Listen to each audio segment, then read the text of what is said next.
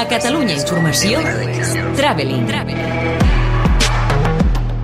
Estrenes de cinema i sèries a Catalunya Informació. Traveling. Amb Marc Garriga. This is not real. This is not real. This isn't happening. Kate, uh, tell me this isn't really happening.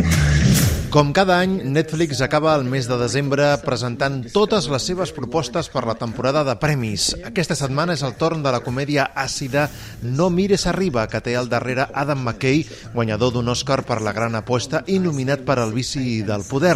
Un director que es caracteritza per disparar amb bala contra el sistema en general i contra la classe política en particular.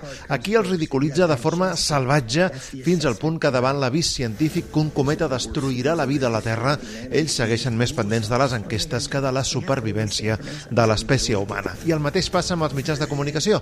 La presidenta dels Estats Units la interpreta Meryl Streep i els científics són Leonardo DiCaprio i Jennifer Lawrence. Quatre asos per un film que, tot i ser excessivament llarg, dues hores i mitja, puntualment repetitiu i sorprenentment superficial, continua sent extremadament sarcàstic i divertit, amb un guió profundament afilat i uns intèrprets que donen la talla. Tant de bo mai la realitat supera superi aquesta ficció. I a més, Netflix també estrena ja la seva plataforma Imperdonable, amb Sandra Bullock, un remake poc afortunat de la sèrie britànica Unforgiven, molt millor que aquesta versió, sobre una dona que busca reinserir-se a la societat després de passar uns anys a la presó per un crim violent. Dear Evan Hansen, today is going to be an amazing day, and here's why. Querido Evan Hansen és l'adaptació d'un musical que va meravellar Broadway, però que en la seva versió cinematogràfica perd molta potència. Frustrant per moments, la trama acaba generant desinterès, tot i la temàtica que toca, el suïcidi d'un adolescent diferent que just el dia abans de matar-se entra en contacte amb un altre outsider, un noi que té fòbia a les relacions humanes. Un malentès farà que la família de la víctima pensi que eren els millors amics i ell no ho negarà. El procés de dol li servirà de teràpia però recordem-ho, tot està construït sobre una mentida. Un drama lacrimogen que podria haver explorat moltes més coses i que es queda a mig camí en tot. Pronto? Sí, sono io. El mio figlio, sí. L'habitació del fill, Palma d'Or Canes, segueix viva en la nova pel·lícula de Nani Moretti, Tres pisos. No arriba a la perfecció de l'anterior, però continua sent un gran retrat no només de la classe mitjana alta italiana, sinó de la societat europea en general. Els tres pisos del títol són les tres famílies que ocupen un mateix bloc de veïns d'un carrer de Roma i el director italià demostra la seva mestria entrellaçant les històries de tots els personatges com si es tractés d'un Rue del Percebe en versió emotivament melodramàtica, commovedora i bella. Ciao, yo sono Lili. La directora catalana Liliana Torres estrena ¿Qué hicimos mal?, un film que ha participat a la secció oficial del Festival de Sevilla i on torna a jugar amb l'autoficció tot buscant aquí la raó per la qual una relació aparentment perfecta s'acaba.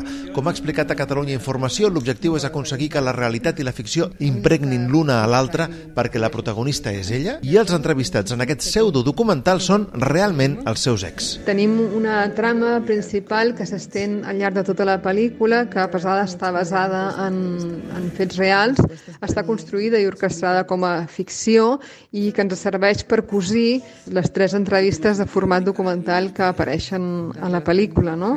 i que són una altra capa de realitat diferent, on jo volia tenir l'oportunitat de captar, com només el documental pot fer-ho, aquests processos i situacions que es desenvolupen de manera real davant de càmera, no? També s'estrena la terrorífica, en tots els sentits, Demònic, dirigida per Nick Antosca, a qui vam entrevistar durant el Festival de Sitges. L'objectiu en clau de terror dels meus guions i les meves històries és externalitzar allò que ens corrueix per dins. Una mena de sensació de por i terror que afortunadament acostuma a ser silenciosa, però que ens acompanya sempre. I acostumo a buscar que l'espectador visqui una experiència emocional i psicològica el més autèntica possible a través de la lent del gènere de terror. I completen la cartellera el manipulador drama sobre discapacitat La família Bloom amb Naomi Watts, la pertorbada Zeros and Ones de Bel Ferrara amb Ethan Hawke i quatre cintes espanyoles, el thriller protagonitzat per Raúl Arevalo El Lodo, la comèdia interreligiosa Alegria, la magnífica aproximació a la bellesa amb B baixa de La vida era eso, nominada a diversos Goyas amb Petra Martínez i Ana Castillo, i el film d'animació infantil Valentina. The more I live, the more I find that Pel que fa a les plataformes, destaquen dues propostes nostàlgiques. A HBO, el dia 15, arriba la continuació de Sexo en Nova York, en Just Like That, on es nota l'absència de Samantha, el personatge més trencador que interpretava Kim Cattrall, tot i que continua sent una sèrie de reafirmació femenina ara sobre com arribar dignament als 50 anys. I CSI Vegas, un retorn a la franquícia més famosa de la saga CSI, però que també és més del mateix. En aquest cas a la cadena Fox a partir del dia 13. Més recomanables són la sèrie Landscapers, ja disponible a HBO, amb Olivia Colman i David Thulis, una comèdia d'intriga sobre un matrimoni que passa a la primera plana dels mitjans quan es troben uns cadàvers al seu jardí. I tres films que s'estrenen en plataformes. Wild Indian a Filmin, un poderós drama independent que fa introspecció en la comunitat índia nord-americana. Encounter a Amazon Prime, un thriller de ciència-ficció amb Riz Ahmed i Octavia Spencer. I a l'unísono a Movistar Plus, una estranya comèdia sobre maternitat adoptiva gestacional. Traveling. Estrenes de cinema i sèries a Catalunya Informació. Amb Marc Garriga. you're still you. Hello, lovers.